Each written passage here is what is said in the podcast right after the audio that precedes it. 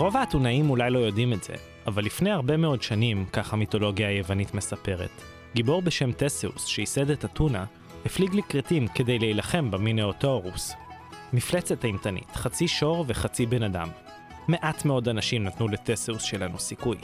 ולכן, כשהוא חזר בריא, שלם ומנצח, כולם היו די עמומים. הספינה שלו, המקבילה העתיקה לנוסעות המטוסים של ימינו, עגנה בנמל אתונה, והוצגה בציבור כדי שכולם יבואו, יבקרו ויראו איך טסאוס הכניע את המפלצת. כמה שנים אחר כך, אחת מקורות העץ של הספינה הרכיבה, והחליפו אותה בקורה חדשה. בחורף הבא זה קרה שוב. אבל למרות חלקי החילוף, המבקרים המשיכו לנהור לראות את הספינה של טסאוס. נראה שהחלפים לא הפריעו לאף אחד, אבל החורפים הקרים בנמל אתונה וחומרי הגלם המתכלים הביאו לכך שכמה עשורים אחר כך, כל החלקים על הספינה כבר הוחלפו באיזשהו שלב. על הספינה של טסאוס כבר לא נותר חלק אחד מקורי, אבל עדיין זאת הייתה הספינה של טסאוס. או בעצם, אולי לא. ברוכים הבאים לעוד פרק של סיפור ישראלי, פרק שכולו על טהרת הזיוף. כמו תמיד, גם הפעם אנחנו מביאים לכם כמה סיפורים שסובבים סביב נושא אחד. מערכה ראשונה, זיוף אמיתי. אומרים שהתלמיד יכול לעלות על מורו, אבל האם זיוף יכול אי פעם להפיל על המקור? מערכה שנייה, תנו לצה"ל לעקוץ. את זה שצה"ל משתמש בכל מיני טכנולוגיות מאוד מתקדמות, מזל"טים, לוויינים, לוחמת סייבר, כולם יודעים. אבל מה שקצת פחות ידוע, זה ההתגייסות של הדבורים למערך הלוחם, וספציפית למערך הלוחם השבוז בבה"ד 1. מערכה שלישית, בוקר בריאות. אדגר קרת מספר איך נפלה לחיקו הזדמנות להפוך להיות סוג של uh, ג'ייסון בורן 2, ואיך במקום זה הוא הסתפק בלחזור הביתה ולכתוב על זה סיפור קצר. ומערכה רביעית, אז מי פה בעצם הרמאי? על הקשר בין מוסכניקים, חיפושיות, סטודנטיות שוות בבן גוריון וג'ורג' קוסטנזה.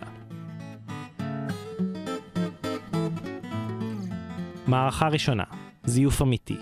1883 מגיע יהודי, זה קצת נשמע כמו בדיחה, האמת היא, הוא היה יהודי מומר, מגיע מירושלים ללונדון, ל British Museum, מביא להם 15 מגילות קלף, שעליהם ספר דברים. התלהבות אדירה, מציעים לו מיליון לירות סטרלינג כדי לקנות את זה.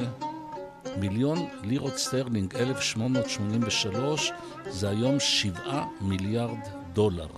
אבל אומרים שהם עוד צריכים לעשות כמה בדיקות, ואז חוזרים אליו ואומרים, אין עסק, גילינו את העבר שלך, אתה זייפן בלתי נלאה. בדקנו גם את הטקסטים ואת המגילות עצמן, זיוף מוחלט. האיש עוזב את אנגליה, אחרי שנה תוקע לעצמו כדור בראש.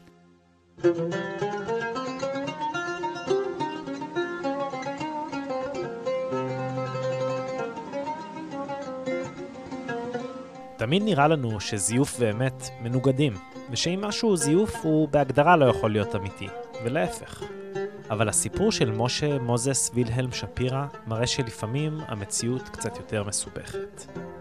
לא ידעתי את זה כשהתחלתי לחקור את הסיפור, אבל פרשת שפירא, או שפירומניה, כמו שהרבה מהאנשים שדיברתי איתם קוראים לזה, ממשיכה להסעיר, למרות שהתרחשה לפני יותר מ-130 שנה. ללא יוצא מן הכלל, כשהתקשרתי לכל המרואיינים, אספנים, פרופסורים, עוצרים ובמאים דוקומנטריים, ואמרתי להם שאני רוצה לדבר על שפירא, הייתה להם את אותה תגובה זהה. או-הו, שפירא, אין לך מושג למה אתה נכנס. וכשהופעתי אצלם בבית להקליט, כולם, אבל כולם, ביקשו שאחכה שנייה, והופיעו כעבור רגע עם קלסרים עמוסים בתמונות, גזרי עיתון, מאמרים, ספרים ומסמכים שנשפכים החוצה מכל עבר. ושם מצאתי כל מיני צילומים, תעודות. אה, זה תמונה של המגילות, כן.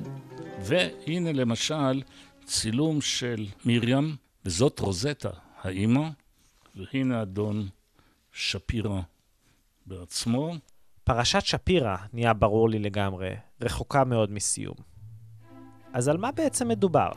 ב-1855, משה שפירא, יהודי טוב מבית דתי, עזב את ביתו בעיירה קטנה באוקראינה בשם קמניץ פודולסק, והחל במסע ארוך יחד עם סבא שלו לארץ ישראל להתכונן לביאת המשיח. בדרך ברומניה הסבא מת, ושפירא התחבר עם כל מיני טיפוסים שהבטיחו לו בחיי כל היקר להם שהמשיח כבר בא ושקוראים לו ישו. לאט לאט שפירא התחיל להשתכנע, וכשהוא הגיע לירושלים כעבור שנה, הוא כבר היה נוצרי, וקראו לו מוזס וילהלם. כאן הוא נהיה חלק מקבוצה של פרוטסטנטים ויהודים מומרים. זה בוני רובין, פרופסור לגיאוגרפיה.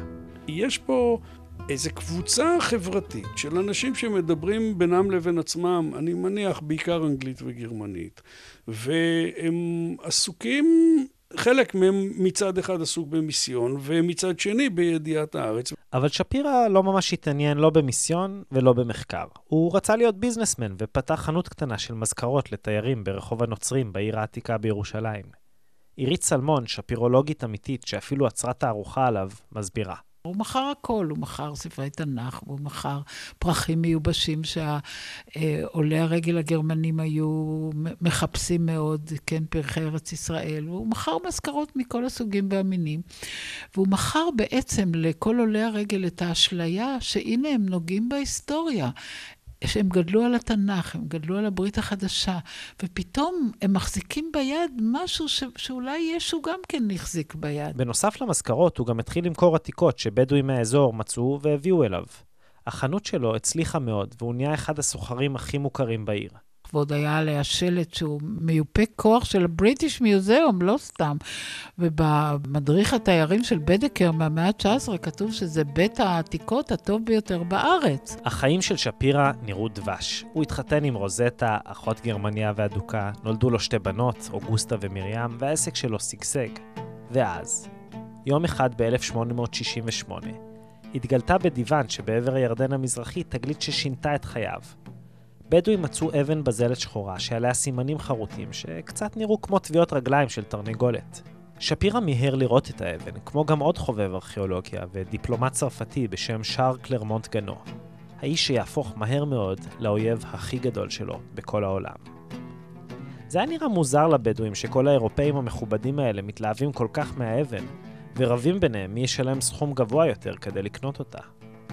בלילה הם ניפצו אותה, כי חשבו שבטח מסתתר בתוכה אוצר גדול. אבל הם די התאכזבו. האירופאים המשוגעים סתם רבו על אבן שחורה, שום אוצר. אבל כשקלרמונט גנו, שהספיק להעתיק את הסימנים עוד לפני הניפוץ, פענח אותם, הסתבר שזה באמת היה אוצר. השורות על מצבת מישה, כך קראו לאבן, תיארו מלחמה בין מלך מואב לבין הישראלים. אותה מלחמה ממש שמופיעה בספר מלכים ב', זאת הייתה העדות החוץ-מקראית הראשונה לסיפור תנכי. הטירוף סביב מציאת הוכחות ארכיאולוגיות לתנ"ך החל. שפירא הבין שיש פה הזדמנות עסקית מטורפת. המעצמות האירופאיות וסתם תיירים עשירים היו מוכנים לשלם הון תועפות כדי לרכוש ארכיאולוגיה מקראית. ובעקבות ההתלהבות סביב מצבת מישה, כולם רצו עתיקות מואביות. הנה בוני רובין שוב, הגיאוגרף.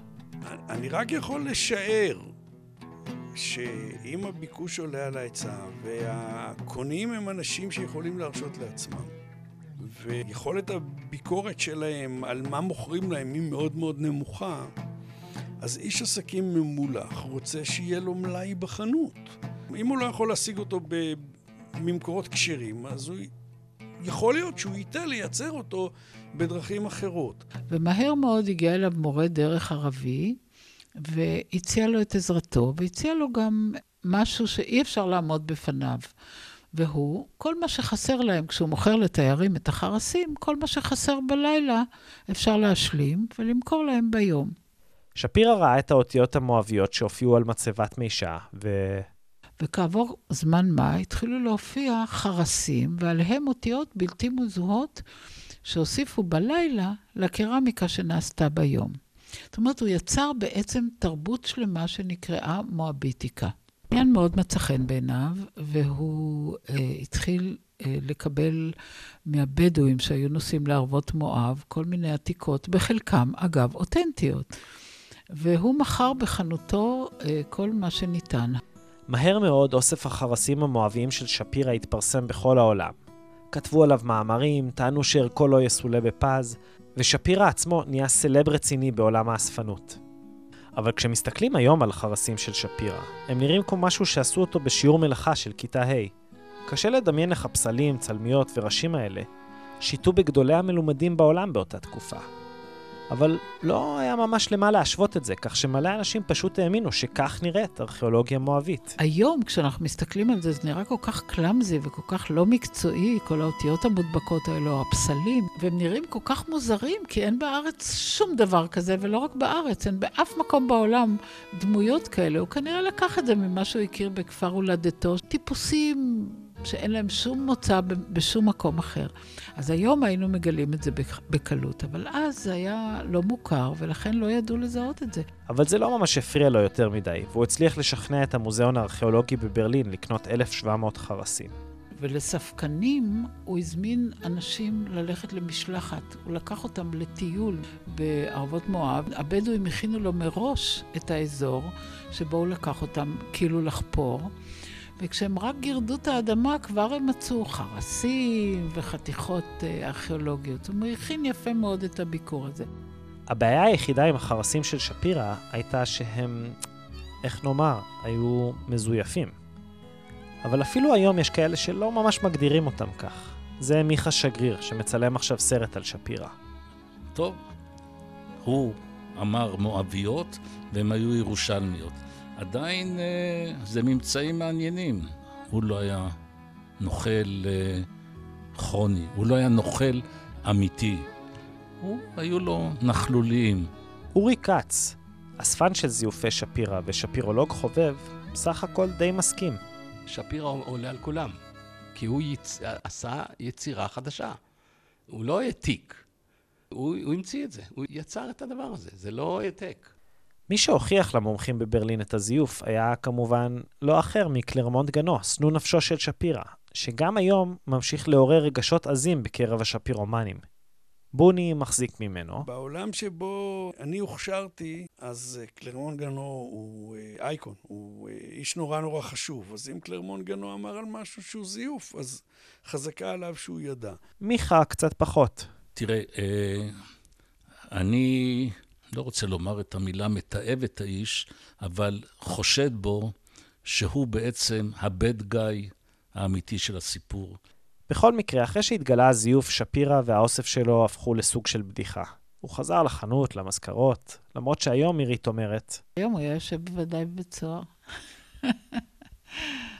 הוא היה מצד אחד אה, ראוותן, הוא היה אה, איש עמיד בתקופה מסוימת, ואחרי זה הוא, הוא איבד את הכל. אבל כמה שנים מאוחר יותר, שפירא יצא עם הכרזה שמיד טלטלה את כל העולם. הוא טען שהוא מחזיק ב-17 מגילות קלף, ועליהם נוסח לא ידוע של ספר דברים בעברית קדומה. אולי זה היה הנוסח המקורי שמשה קיבל מאלוהים, הוא שיער, ואולי נוסח שנכתב בימי ישו, על ידי כת במדבר יהודה, איפה שהוא אמר שהבדואים שהביאו אליו את הגבילים מצאו אותם.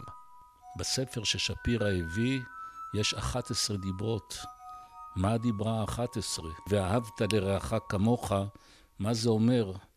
מה המשמעות?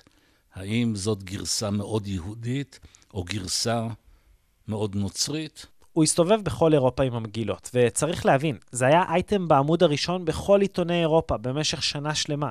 כל העולם עקב אחר שפירא והמגילות שלו. הוא הביא את זה לגרמנים, הגרמנים שכבר, כזכור, נכוו עם ה-1700 חתיכות מזויפות שקנו ממנו. החליטו שאחרי כמה חודשי דיון שהם לא קונים את זה, ואז הוא הגיע עם זה לבריטיש מיוזיאום. הוא רכש את אמונם, הבריטים מאוד התלהבו מן העניין הזה. שניים מהמגילות הוצגו לציבור הנרגש שעמד שעות בתור כדי להציץ. אפילו ראש הממשלה האנגלי גלדסטון הגיע כדי לעזור להתרים את ה... את הסכום הממש דמיוני שהוא ביקש אז, מיליון לירות סטרלינג בשנת 1880. גם היום זה הרבה, אבל אז זה היה הרבה מאוד. איך הוא אמר לבתו לפני שהוא נסע למסע האחרון? הוא אמר, אני אחזור ואת תהיה הילדה הכי עשירה בעולם. אבל אז, איך לא, הופיע מיודענו הצרפתי, קלרמונט גנו. ואז הגיע קלרמונט גנו, אותו קלרמונט גנו, עדיין לא הייתה הרכבת המהירה בין פריז ללונדון, אבל הוא הגיע כנראה די מהר. ואמר שזהו הזיוף החצוף ביותר בהיסטוריה. הסתכל על, ה, על המגילות שהיו מונחות שם, אמר, זה זיוף. העיתונות הבריטית חגגה. האנגלים קיבלו רגליים קרות, אמרו לשפירא, אנחנו מצטערים, אנחנו לא לוקחים את, ה, את המגילות האלה, הן לא, לא, לא אותנטיות. אפילו לשורד קשוח כמו שפירא היה קשה להתאושש מהמכה הזאת. ושפירא הלך, הסתובב בכל אירופה, ובמרץ 84 אה, הגיע למלון הפרחים, מלון קטן ברוטרדם, והתאבד.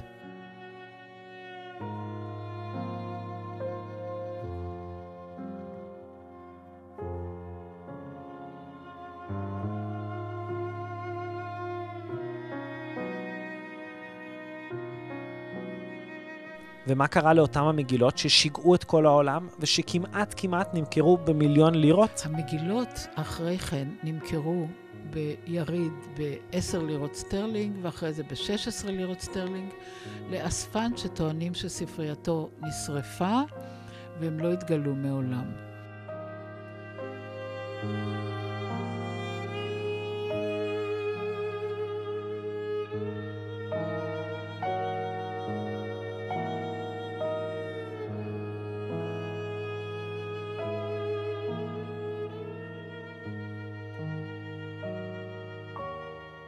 סוף הסיפור?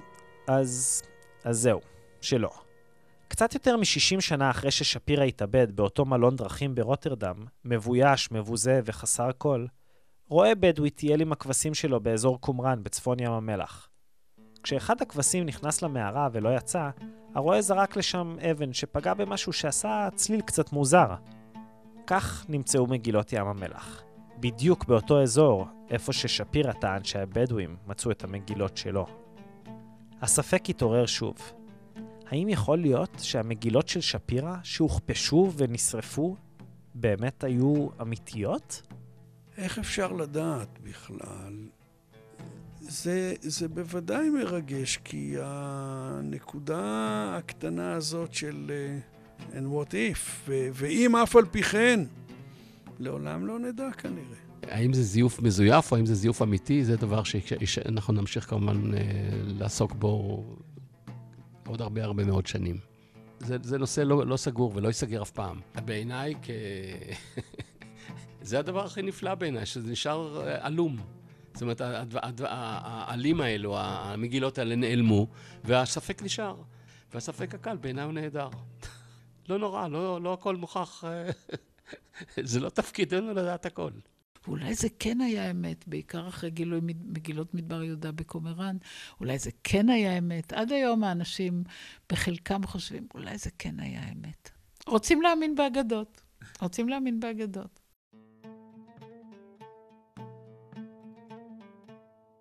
הסיפור הרומנטי של שפירא כבר נהיה ידוע מאוד.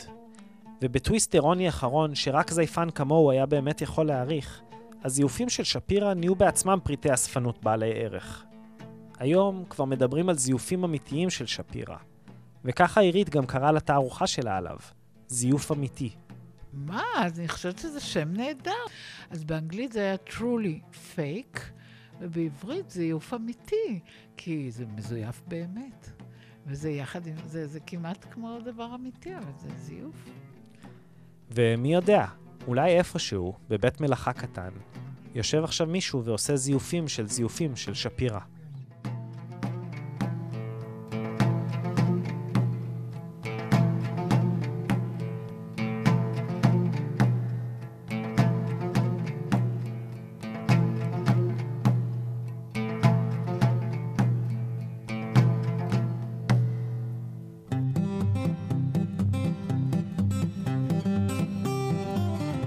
כמעט קשה לדמיין מצב מופרך שכזה, אבל אם במקרה איכשהו הפסדתם את אחד הפרקים שלנו, אל דאגה. את הפרק הזה של היום, יחד עם כל הפרקים הקודמים שלנו, תוכלו כמובן למצוא באתר שלנו, www.israelstory.org. אתם יכולים גם להכניס סיפור ישראלי לגוגל, אנחנו הדבר הראשון שעולה. אבל חכו, אל תעשו תאונה מהחדשות המרגשות האלה, יש עוד. יש לנו גם עמוד פייסבוק מאוד פעיל, ששם אתם יכולים להגיב על מה ששמעתם, לבחור את הסיפור האהוב עליכם, ועוד כל מיני הפתעות. וכמובן, אנחנו מאוד מאוד נשמח אם תעשו לנו share ולייק. כשהתחלנו לעבוד על הפרק הזה, מהר מאוד נהיה לנו ברור שהזיוף הכי ישראלי שיש הוא כמובן זיוף גימלים. נדמה שכל מי שדיברנו איתו יש לו סיפור גימלים, ואין כמעט מישהו שלא נשבר לפחות פעם אחת בצבא והלך לחופל בניסיון להשיג איזה יום חופש מיוחל בבית. התחושה שלנו אפילו מסתבר מגובה בנתונים. השאלה איך מוציאים גימלים היא בין שלושת השאלות הנשאלות ביותר בגוגל בעברית. מה שאולי מעיד על רמת התחמון הישראלית. את הסיפור הבא מביא סרן, כן כן, סרן, יוחאי מיטל. הייתי חייל לקראת סוף השירות הסדיר, ואחרי תקופה ארוכה יצאתי סוף סוף לרגילה המיוחדת שלי. התעוררתי במיטה שלי בבית, מאוחר, הכנתי קפה וישבתי במרפסת להירגע ולתכנן את שבוע החופש שלי, כשהטלפון צלצל. עניתי, והפה שלי התייבש בשנייה אחת. על הקו הייתה מאלי, בחורה אמריקאית שהכרתי במחנות הקיץ של תנועת הנוער. היא הייתה עבורי לגמרי בגדר חלום, לא ברת השגה בעליל. והנה היא בישראל, על הקו, היא התקשרה אליי.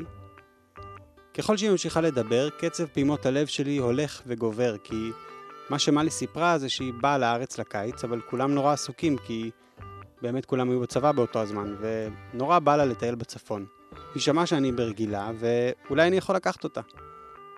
איכשהו, בקול חלוש וסדוק, הצלחתי לפלוט איזו תשובה חיובית, והיא מצידה, רגועה אבל ספונטנית, מיד עלתה על אוטובוס מירושלים. ירדתי מהקו, ופשוט נכנסתי להיסטריה. מיד התחלתי לארגן פויקה, פקל קפה, מחצלת, כל מה שבחור צריך כדי להרשים בחורה. תוך כדי התחננתי להורים שלי שייתנו לי את הרכב לכמה ימים, זרקתי הכל בבגאז', בדרך עוד הספקתי להתקשר לחבר דתי ושידלתי אותו לגלות לי איך להגיע לכמה מעיינות סודיים בגולן. עצרתי את הרכב בתחנה המרכזית של חיפה, ולפני שבכלל הספקתי לארגן שנייה את המחשבות, זיהיתי אותה באה לכיווני ונכנסת לרכב.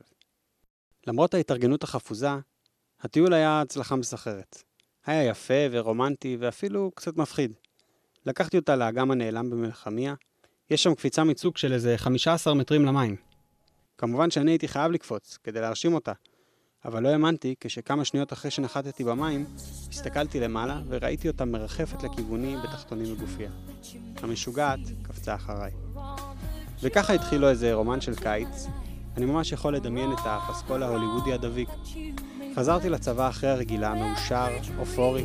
אני בטוח שהייתי בלתי נסבל, אבל המפקד שלי מצא דרך מהירה למחוק את החיוך המטופש שהתקבע על הפנים שלי. הוא קרא אותי אליו ואמר, יוחאי, אתה יוצא לקצונה. הדבר האחרון שרציתי באותו רגע זה לצאת לקצונה. אבל לא ממש שאלו אותי. גם ככה הייתי חתום על קבע, ולפני שאני בכלל מספיק להבין מה קורה, מצאתי את עצמי סוגר 28 בבת אחד. השמועה אומרת שלקחו תוכניות אדריכליות של כלא אמריקאי, הלכו אותם לאיזה פינת מדבר נידחת, ובנו איתם בסיס שבו יחנכו את דור הפיקוד הצעיר של הצבא שלנו. הסתובבתי שם בכלא הזה, שבוז, בדיכאון. השבועות עברו לאט. עברתי בין שמירה על מחסנים שכוחי אל לשיעורי פיקוד ושליטה שהרגישו לי כל כך מיותרים. פירקתי חבילות של נובלס. בדרך כלל בצבא אין הרבה משמעות לעונות השנה, אבל אותו הקיץ הרגשתי פשוט נוזל בין האצבעות שלי. פתאום קלטתי שעוד שבוע מאלי חוזרת לארצות הברית, וזהו.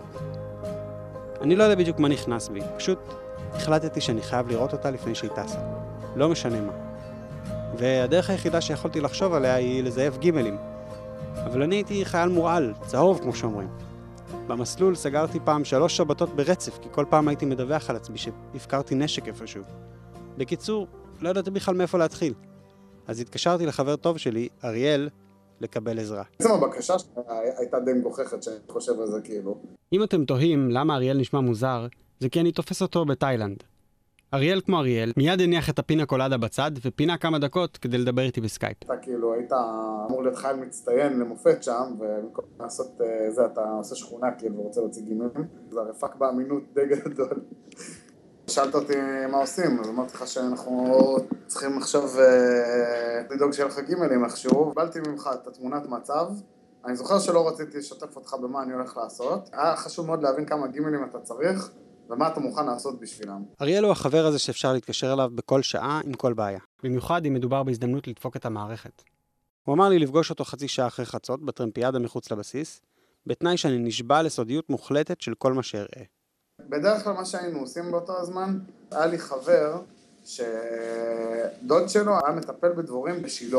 מה זה אומר מטפל בדבורים? זה אומר שהוא כמו מדקר סיני, רק במקום לתקוע מחטים הוא תוקע דבורים. הבן אדם, היה לו כוורת שם מאחורה, הוא תפס את הדבורים עם כזה מין מלקחיים מעץ, הוא תופס דבורה, בא, עוקץ אותך, ומזריקה את כל ההרס שלה, אחרי כמה שעות היא אמורה להתחיל להתנפח. קרה איזה נס, ההורים שלי בדיוק קיבלו מתנה אה, מלקחיים מעץ להוציא מטוסטר. מכיר את הבעיה כאילו שאתה לא, שאסור לתקוע מזלג לתוך טוסטר נגיד? אז במקום להשתמש במלקחיים כדי להוציא צנימים, אריאל השתמש בהם כדי לעזור לחברים ומכרים להוציא גימלים. הכרתי את כל הכוורות באזור ירושלים. כאילו עקב המקצוע. הייתי ממש בא עד לכוורת עצמה, ותופס פשוט את הדבורה מהכוורת כאילו, שהיא ישנה, אתה יודע, ואז לוקח אותה לבן אדם שאני עוקץ ועוקץ אותה. אני הייתי מביא את הפציינטים עד, ל... עד לכוורת בדרך כלל. אתה הבן אדם היחידי אי פעם שהייתי צריך להביא בשביל הדבורים. אבל אריאל האמין שבכל זאת, השיטה יכולה לעבוד עבורי. הוא חיכה לשעת לילה, ירד לכוורת שהכיר ליד קיבוץ צורה, ואסף כמה דבורים בשקית ניילון מנופחת. אבל עד שהגיע לשער הגיא, הדבורים מתו. אריאל הסתובב וחזר לכוורת, הפעם מצויד בצנצנת עם חורים. בדרך דרומה מדי פעם עצר כדי לפתוח את המכסה ולהפיח בהן רוח חיים. לא כל הדבורים שרדו את הנסיעה הארוכה דרומה, אבל אני בכלל לא הייתי מודע לכל ההתרחשות הזאת. כל מה שידעתי הוא שאנחנו נפגשים בטרמפיאדה חצי שעה אחרי חצות, ושעליי לשמור כל מה שאראה בסוד מוחלט. בשעה הנקובה יצאתי לכיוון הש"ג. בגלל הפרפרים בבטן, התרכזתי נורא בהליכה נונשלנטית, בזמן שיצאתי משער הבסיס בלי לתת לאף אחד שהות לשאול אותי לאן ולאיפה זה. אריאל חיכה ברכב, כפי שקבענו, נכנסתי ומיד הבחנתי בצנצנת הדבורים. עכשיו, מה הייתה הבעיה? לא יכולנו להסתכן שתקבל אה, סיפוח לרם 2, כי אם אתה תגיע לרם 2 כבר אתה תצטרך לערב את היחידה ואז אתה תהיה בבעיה שם.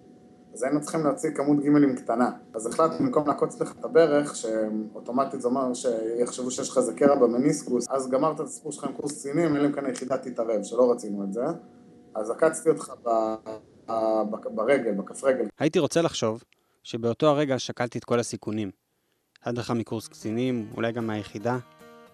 אבל האמת היא שלא חשבתי בכלל, פשוט הייתי לגמרי נחוש לראות את מאלי פעם אחרונה לפני שהיא טסה, ויהי מה.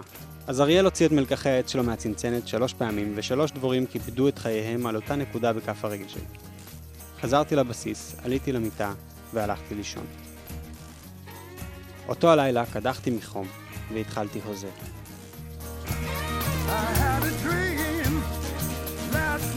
מאלי הופיעה והתיישבה לידי על המיטה וליטפה את ידי עד שנרדמתי. בחלום ראיתי את עצמי בטריבונה של רחבת המסדרים בטקס הסיום של הקורס. כל הקצונה הבכירה של היחידה הגיעה, גם חברים ומשפחה, רק כדי לגלות שעפתי מהקורס מזמן. התעוררתי מיוזע ומבוהל, וכמו ילד קטן שפותח מתנה, קראתי מעליי את השמיכה, וחיוך גדול התפשט על פניי. העקב שלי הייתה נפוחה כמו בלון.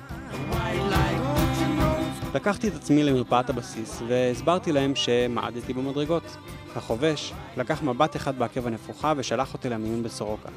במיון המתנתי בסבלנות לאורתופד רוסי מזוקן, שבחן בעיון את צילומי הרנטגן לפני שקבע בנחרצות שזה בדיוק כמו שחשב. יש לי שבר. עד אותו רגע הייתי רגוע ומבסוט. היה נראה שהכל מתקדם לפי התוכנית. פתאום הרופא התיישב לידי והתחיל לגבס את הרגל שלי. לפני שבכלל ידעתי מה קורה, מצאתי את עצמי בתחנה המרכזית של באר שבע, עם טופס חתום לשבוע גימלים, פלוס הפנויות להמשך, וגבס ענק מקצה כף הרגל שלי עד לברך. דחפתי את כל המחשבות הצידה, והתרכזתי במשימה היחידה שעמדה לנגד עיניי. בדרך לירושלים ניסרתי את הגבס וזרקתי אותו לפח של האוטובוס. הפעם מלי פגשה אותי בתחנה. הלכנו לשוק מחנה יהודה, קנינו ירקות ובישלתי לנו מרק קרישה ותפוחי אדמה, בזמן שדיסק של תום וייטס התנגן לו ברגע. אחרי כמה ימים, היא חזרה לארצות הברית, ואני התייצבתי חזרה בבסיס, בלי הגבס, והתחננתי למפקדים שלי שיקחו אותי בחזרה. הם התרשמו שחייל חוזר מגימל מוקדם, וקיבלו אותי בשמחה.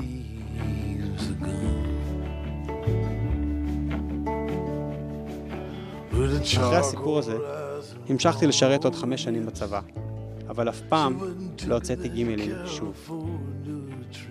נשבע.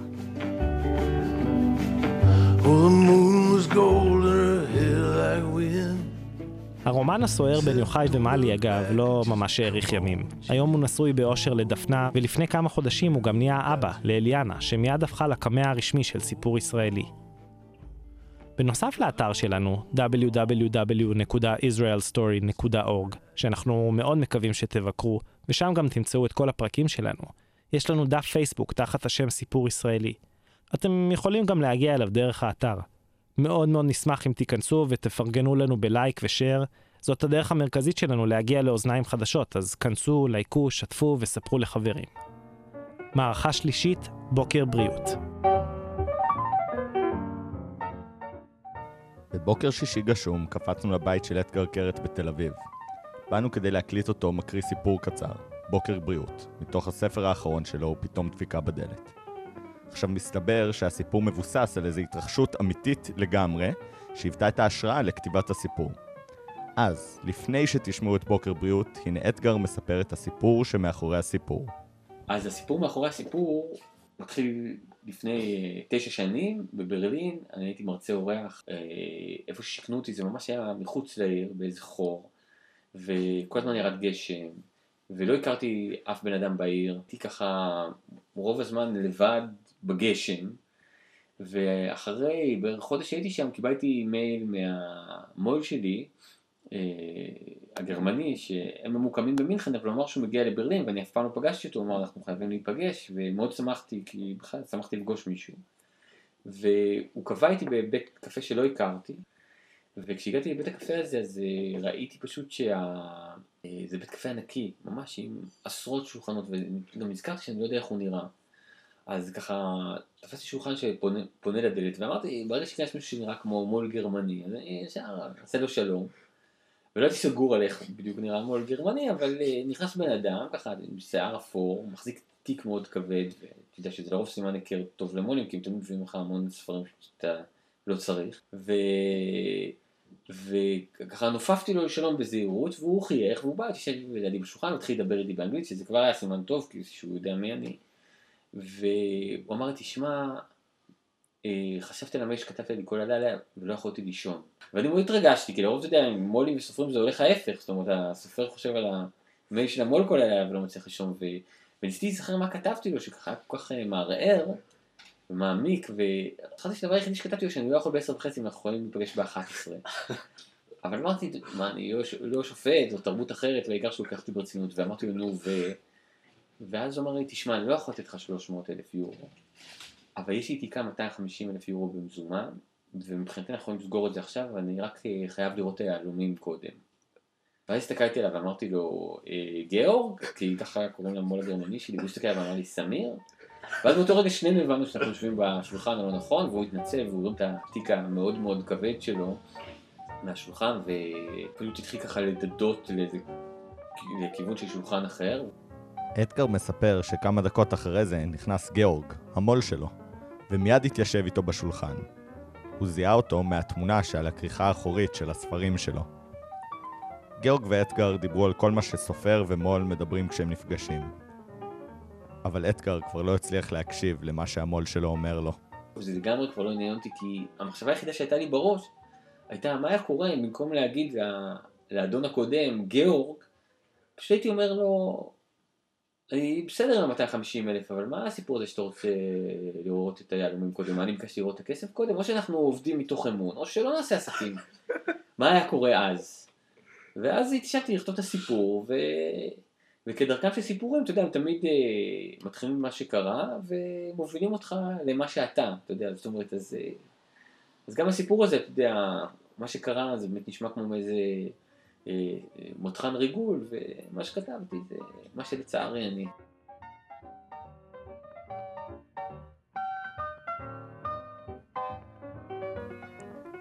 אז הנה הוא, אתגר קרת מקריא את בוקר בריאות.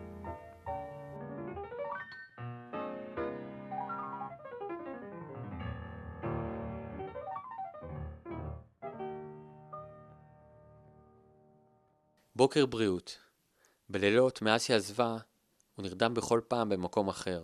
על הספה, על הכורסה בסלון, על המחצית במרפסת כמו איזה הומלס. בבקרים הוא תמיד הקפיד לאכול את ארוחת הבוקר מחוץ לבית. גם לאסירים מגיע פעם ביום סיבוב קטן בחצר של הכלא.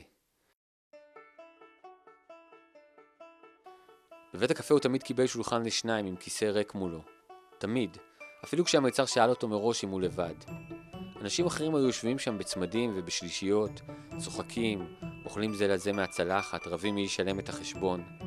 אבל מרון היה יושב לבד ואוכל את ארוחת הבוקר בריאות שלו, שכללה כוס מיץ תפוזים, קערה של מוזלי עם דבש ואספרסו כפול נטול עם חלב חם די שומן בצד. ברור שהיה יותר נחמד אם מישהו היה יושב מולו בשולחן וצוחק איתו. אם מישהו היה מתווכח איתו מי ישלם את החשבון והוא היה צריך להיאבק, להושיט את השטר למלצרית ולהגיד אל תקחי ממנו, נו, עזוב אברי, אני משלם הפעם. אבל לא היה לו עם מי, וארוחת הבוקר לבד הייתה עדיפה פי מאה על להישאר בבית.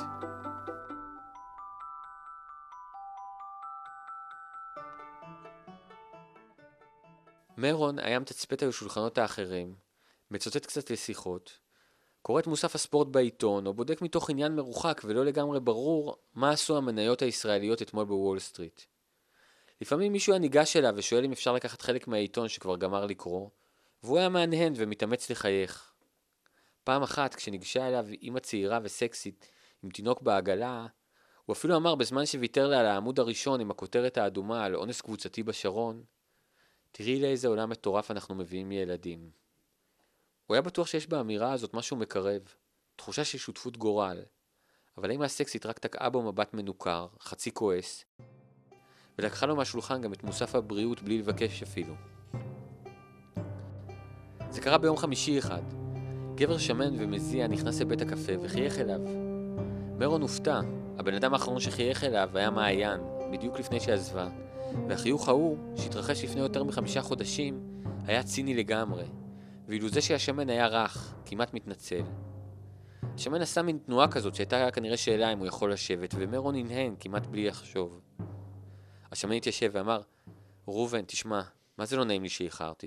אני יודע שקבענו בעשר, אבל היה לי בוקר כזה בלאגן עם הילדה.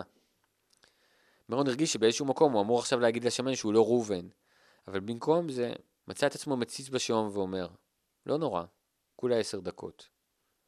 אחרי זה הם שתקו שנייה, ומרון שאל אם הילדה בסדר, והשמן אמר שכן, פשוט עכשיו היא הולכת לגן חדש, ותמיד כשהוא מביא אותה בבוקר, הפרידות קשות. אבל עזוב, קטע את עצמו השמן. יש לך מספיק על הראש גם בלי הצרות שלי. בוא נדבר ביזנס. מרון נשם נשימה עמוקה וחיכה. תראה, אמר השמן, 500 זה יותר מדי. תן לי את זה ב-400. אתה יודע מה, אפילו ב-410 ואני מתחייב לקחת 600 חתיכות. 480 אמר מרון. 480 וגם את זה אני נותן לך רק אם אתה מתחייב לקחת 1,000. תבין, אמר השמן. השוק עכשיו על הפנים עם המיתון והכל. רק אתמול ראיתי בחדשות איך אנשים אוכלים מפחים. אתה תתעקש, אני אצטרך למכור ביוקר. אני אמכור ביוקר, אף אחד לא יקנה. אל תדאג, אמר לו מרון. לכל שלושה שאוכלים מהזבל יש אחד שנוסע במרצדס. זה הצחיק את השמן. אמרו לי עליך שאתה קשה. הוא רתם בחיוך. אני בסך הכל כמוך, חייך גם מרון. מנסה לשרוד. השמן ניגב את כף היד המזיעה שלו בחולצה ואז הושיט אותה קדימה. 460 הוא אמר. 460 ואני לוקח אלף. וכשראה שמרון נשאר קפוא הוסיף. 460, אלף חתיכות, ואני חייב לך טובה. ומי כמוך יודע, ראובן, שבתחום שלנו טובות שוות יותר מכסף. המשפט האחרון שכנע את מרון ללחוץ את כף היד המושטת. זאת הייתה הפעם הראשונה בחיים שמישהו היה חייב לו טובה. מישהו שחשב שקוראים לו ראובן, אבל בכל זאת. ובסוף הארוחה, כשהם התווכחו מי ישלם את החשבון, מרון הרגיש גל חום קטן, מתפשט לו בבטן כשהצליח להקדים את השמן בעשירית שנייה, ולדחוף למלצרית את השטר המקומט ליד.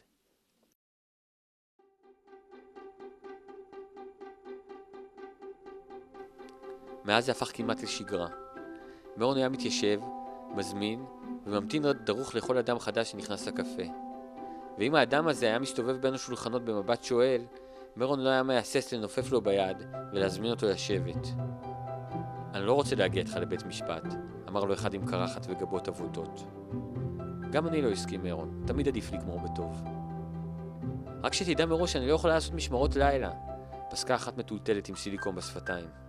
אז מה את רוצה, רטן מרון, שכולם יעשו לילות ורק את לא? גבי ביקש ממני להגיד לך שהוא מצטער. הודיע אחד עם עגיל באוזן ושיניים רקובות. אם הוא באמת מצטער, נזף מרון, אז שיבוא ויגיד לי את זה לבד, בלי מתווכים. במייל נשמעת לי יותר גבוה, התלוננה ג'ינג'ית רזה אחת. במייל נשמעתי פחות ביקורתית, החזיר מרון עקיצה. ובסוף הכל איכשהו הסתדר. הוא והקרחת הגיעו לפשרה בלי תביעה. הסיליקון הסכימה להביא את אחותה לשמור על הילדים פעם בשבוע כדי שתוכל לעשות לילה. הגיל באוזן הבטיח שגבי יתקשר, והג'ינג'ית והוא הסכימו שהם לא בדיוק הטעם אחד של השני. חלק מהאנשים הזמינו את מרון, חלק מהם הוא הזמין. עם הג'ינג'ית הם התחלקו בחשבון חצי חצי. והכל היה כל כך מסקרן וקורא, שאם עבר איזה בוקר בלי שמישהו התיישב מולו בשולחן, מרון היה מתחיל להרגיש עצבות קלה. למזלו זה לא קרה יותר מדי פעמים. כמעט חודשיים אחרי שהשמן המזיע התיישב מולו בשולחן, נכנס לקפה זה עם הפנים המחוטטות. למרות כל החטטים, ולמרות שנראה מבוגר ממרון בעשר שנים לפחות, הוא היה גבר יפה, עם הרבה כריזמה. המשפט הראשון שאמר כשהתיישב היה, הייתי בטוח שלא תבוא. אבל קבענו, אמר מרון. כן, חייך המחוטט חיוך עצוב, רק שאחרי שפתחת לך כזה פה, פחדתי שתשתפן. אז הנה אני כאן, גיחך מרון באופן כמעט מתגרה. אני מצטער שצעקתי בטלפון להתנצל המחוטט. באמת איבדתי שליטה, אבל התכוונתי לכל מילה. אתה שומע? אני מבקש ממך שתפסיק להיפגש איתה.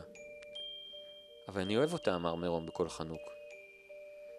יש דברים שאתה אוהב ושאתה חייב לוותר עליהם, קבע המחוטט והוסיף. תקשיב למישהו קצת יותר מבוגר ממך. לפעמים חייבים לוותר. מצטער, אמר מרון, אבל אני לא יכול. אתה יכול להתרגז המחוטט, אתה יכול ואתה תוותר. אין כאן שום אפשרות אחרת. שנינו אולי אוהבים אותה, ואני במקרה גם בעלה, ואני לא אתן לך לפרק לי את המשפחה, אתה שומע? מרון הניד את ראשו מצד לצד. אתה לא יודע איך החיים שלי נראו בשנה האחרונה, הוא אמר לבעל. גיהנום. אפילו לא גיהנום. סתם איזה חתיכת כלום גדול ועבש. וכשאתה כל כך הרבה זמן על כלום, ופתאום מגיע משהו, אתה לא יכול להגיד לו לא. אתה מבין אותי, נכון? אני יודע שאתה מבין אותי. הבעל נשך את השפה התחתונה שלו ואמר, אם אתה נפגש איתה עוד פעם אחת אני אהרוג אותך, אני לא צוחק איתך, אתה יודע את זה.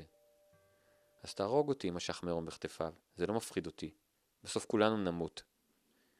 הבעל התרומם מעבר לשולחן והנחית אגרוף לתוך הפרצוף של מרון. זאת הייתה פעם ראשונה בחיים שמישהו חבט בו בכזאת עוצמה, ומרון הרגיש כאב חד וחם שהתחיל אי שם במרכז הפנים והתפשט לכל הכיוונים. תוך שנייה הוא מצא את עצמו על הרצפה כשהבעל עומד מעליו. אני אקח אותה מכאן, צעק הבעל, ובעט למרון בצלעות ובבטן. אני אקח אותה מכאן לארץ אחרת, ואתה לא תדע לאיפה, אתה לא תראה אותה יותר, אתה שומע? חתיכת נבלה. שני מלצרים התנפלו על הבעל ואיכשהו הצליחו להרחיק אותו ממרון.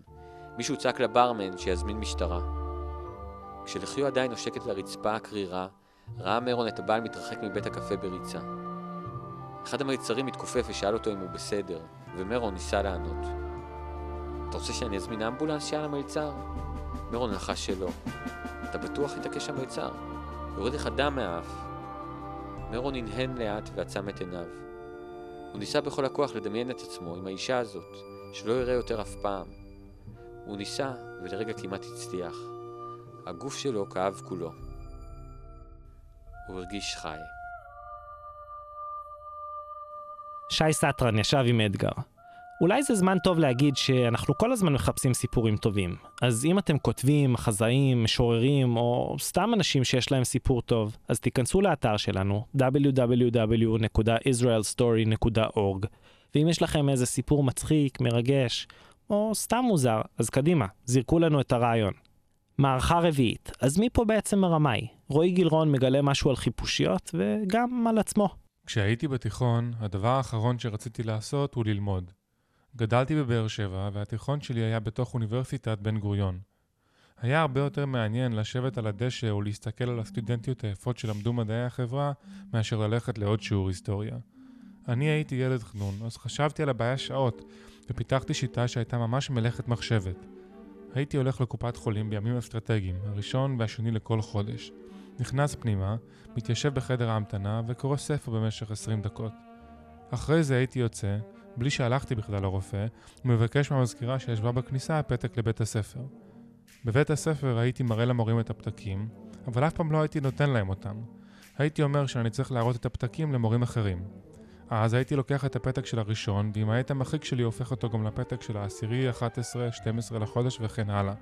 הפתק של השני לחודש כבר סידר אותי לעשרת הימים הבאים. בזמנו חשבתי שהגעתי לשיא התחכום, משהו שרק בני אדם חכמים במיוחד, החמאתי לעצמי, מסוגלים לו. בראש שלי הייתי סוג של דיקפריו מהסרט "תפוס אותי אם תוכל" בגרסה הבאר שבעית. אבל אז אורן ארמן אני ראש התוכנית למדע, טכנולוגיה וחברה באוניברסיטת בר אילן. סיפר לי על חיפושית ערמומית מזן שנקרא בליסטר ביטל. למרות שיש להן מוח בגודל של סיכה, היא ממש שמה אותי בכיס הקטן בכל מה שקשור לזיוף מתוחכם. מיד אחרי שהחיפושית בוקעת מהביצים, מאות מאוד חיפושיות, ואפילו אלפים, מחליקות במעלה גבעול של דשא, והן יוצרות למעלה מין מכלול כזה שנראה כמו נקבה של דבורה. החיפושיות האלו בעצם מתארגנות כמו הדגלנים במסדר יום העצמאות, ויוצרות בעזרת הגוף שלהן פסל מושלם של נקבה. ולא סתם נקבה, נקבה חטובה, מטופחת ואפילו... מוציאה פרומון או איזה סוג של בושם שמושך אליה את הזכר. הזכר, בטוח שזה היום הכי טוב בחיים שלו. מתלהב לגמרי וחושב שזו דבורה אמיתית, ובעצם כל מה שהוא מקבל זה חיפושיות קטנות שנתפסות לו על הרגליים ועל הגב. מאוכזב, הזכר עף משם, מלא בחיפושיות קטנות שמכסות את כל הגוף שלו. Uh, עכשיו, כשהוא פוגש דבורה אמיתית, הוא באמת עולה עליה ומנסה להזדווג איתה, והם נופלים ממנו על הגב של הנקבה, וביחד איתה תופסים טרמפ לתוך המאורה, שם הם יאכלו את כל האבקה שהיא ליקטה במאמץ רב, ובבוא הזמן גם כן את הזחלים שלה.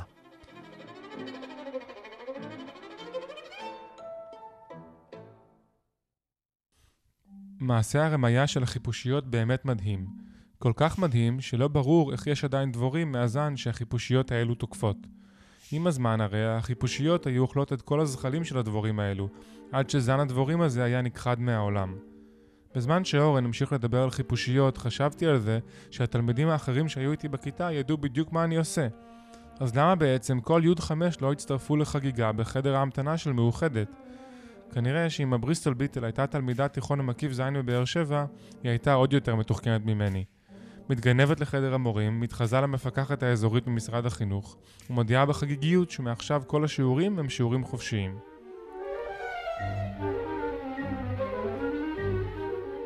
איך זה שכולנו לא רמאים? תארו לעצמכם עיר שיש בה עשרה מוסכניקים, וכולם רמאים. פתאום, אחד מהמוסכניקים מגלה שאם יפסיק לרמות, כל הלקוחות המאוכזבים יגיעו אליו. השמועה תעשה לה כנפיים, וכל בעלי המכוניות ינהרו למוסך שלו. עם הזמן, לא תהיה ברירה לשאר המוסכניקים אלא להפוך להיות אמינים גם הם. לאט לאט, כל המוסכניקים יהפכו לאמינים, כדי שיוכלו להתחרות אחד בשני, עד שכולם יהיו אמינים. בשלב זה, אחד המוסכניקים יבין שבכל זאת כדאי לו לרמות מדי פעם.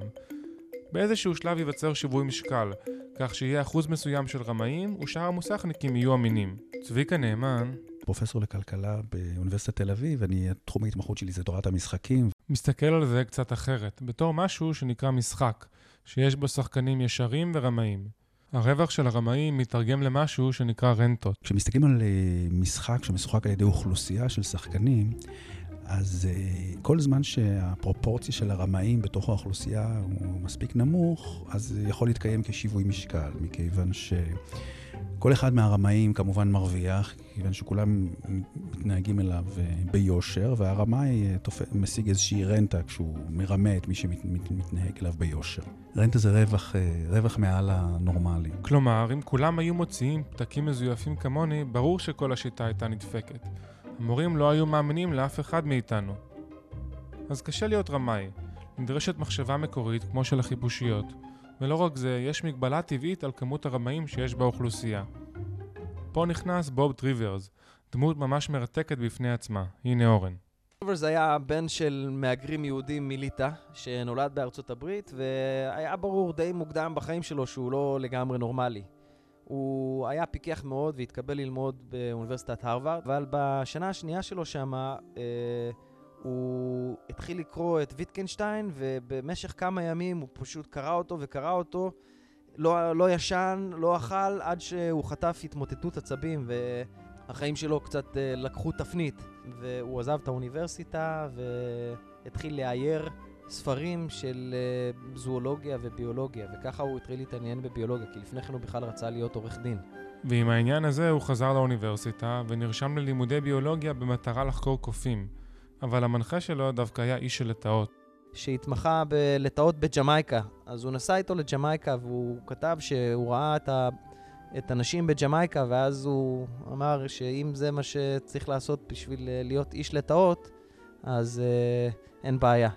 הוא אחר כך באמת גם התחתן עם אה, שתי ג'מייקניות בעת ובעונה אחת. ובטווח שבין זוחלים וחתונות טרופיות, ריברס הבין אמר משהו מאוד מאוד עמוק. הוא אמר, הדרך הטובה ביותר לרמות את האחר זה לרמות את עצמך. אם אתה מרמה את עצמך, אז האחר לא יכול לדעת שאתה, שאתה רמאי. כי אתה רימית את עצמך, אתה בעצמך לא יודע שאתה רימית. ואז נוצר באבולוציה משהו שאנחנו קוראים לו הונאה עצמית. זה מערכת ש, שבה פרטים בעצם עובדים על עצמם כדי לעבוד על האחר טוב יותר, כדי שהאינטראקציות ביניהם יהיו יותר טובות אה, עבורו. אבל האמת היא שאם טריברס היה צופה יותר הדוק של סיינפלד, הוא היה מגלה את הכל שם. באחד הפרקים, ג'רי נכנס לבלגן. הוא משקר לשוטרת שניסה להרשים בטענה שהוא אף פעם לא צופה בסדרה מלרוז פלייס. היא לא מאמינה לו, ומציעה שיעבור בדיקת פוליגרף. ג'ורג' נותן לו עצה שטריברס היה גאה בה. Jerry, just remember, it's not a lie if you believe it. אמא שלי ישבה בקהל בטקס הסיום של כיתה י"ב. כשהמורה קראה לי לבמה, היא אמרה, רועי שבית הספר בשבילו היה בחזקת נעלם. היא הביטה בי במבט שהבהיר לי שהיא ידעה בדיוק מה עשיתי בשלוש השנים האחרונות, ובבית חיכתה לי אימא עצבנית עם הרבה שאלות. עכשיו אני מבין שאם רימיתי מישהו זה היה בעיקר את עצמי, רק שלי אין שתי נשים ג'מייקניות. אולי ג'ורג' צודק, וזה באמת לא שקר אם אתה מאמין לזה. אבל זה גם לא שקר טוב אם רק אתה מאמין לזה.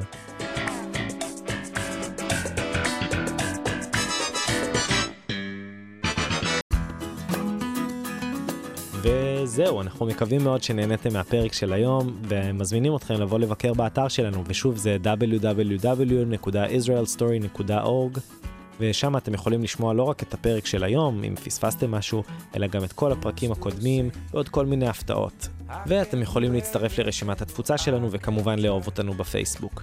תודה רבה לשפירולוגים שלנו, אורי כץ, מיכה שגריר, עירית צלמון ובוני רובין, לאריאל הרפז, אי שם על החוף בתאילנד, לאלון רוזנפלד ולאורתופד הנדיב בסורוקה.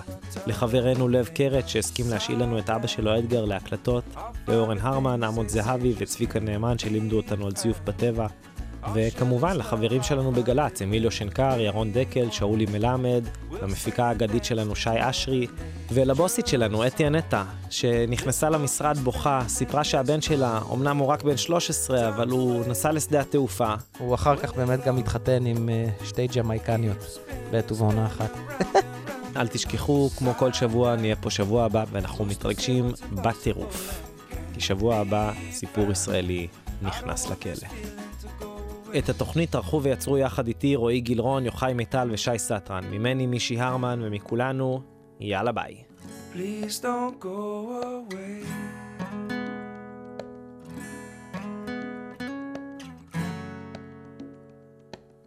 Please don't go away.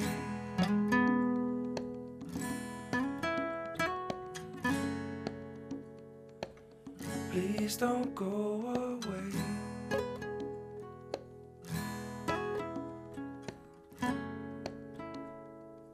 Is this how it's supposed to be? Is this how it's supposed to be?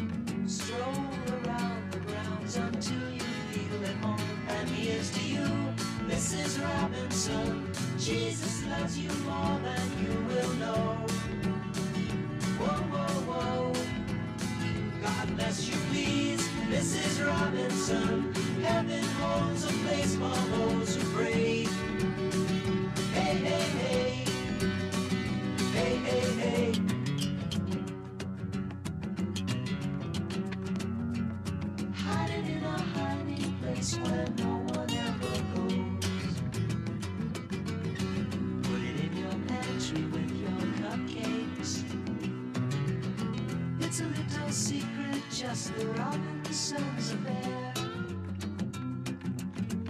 Most of all, you got to hide it from the kids. Cuckoo, cuckoo, Mrs. Robinson. Jesus loves you more than you will know. Whoa, whoa, whoa. God bless you, please, Mrs. Robinson. Heaven holds a place for those who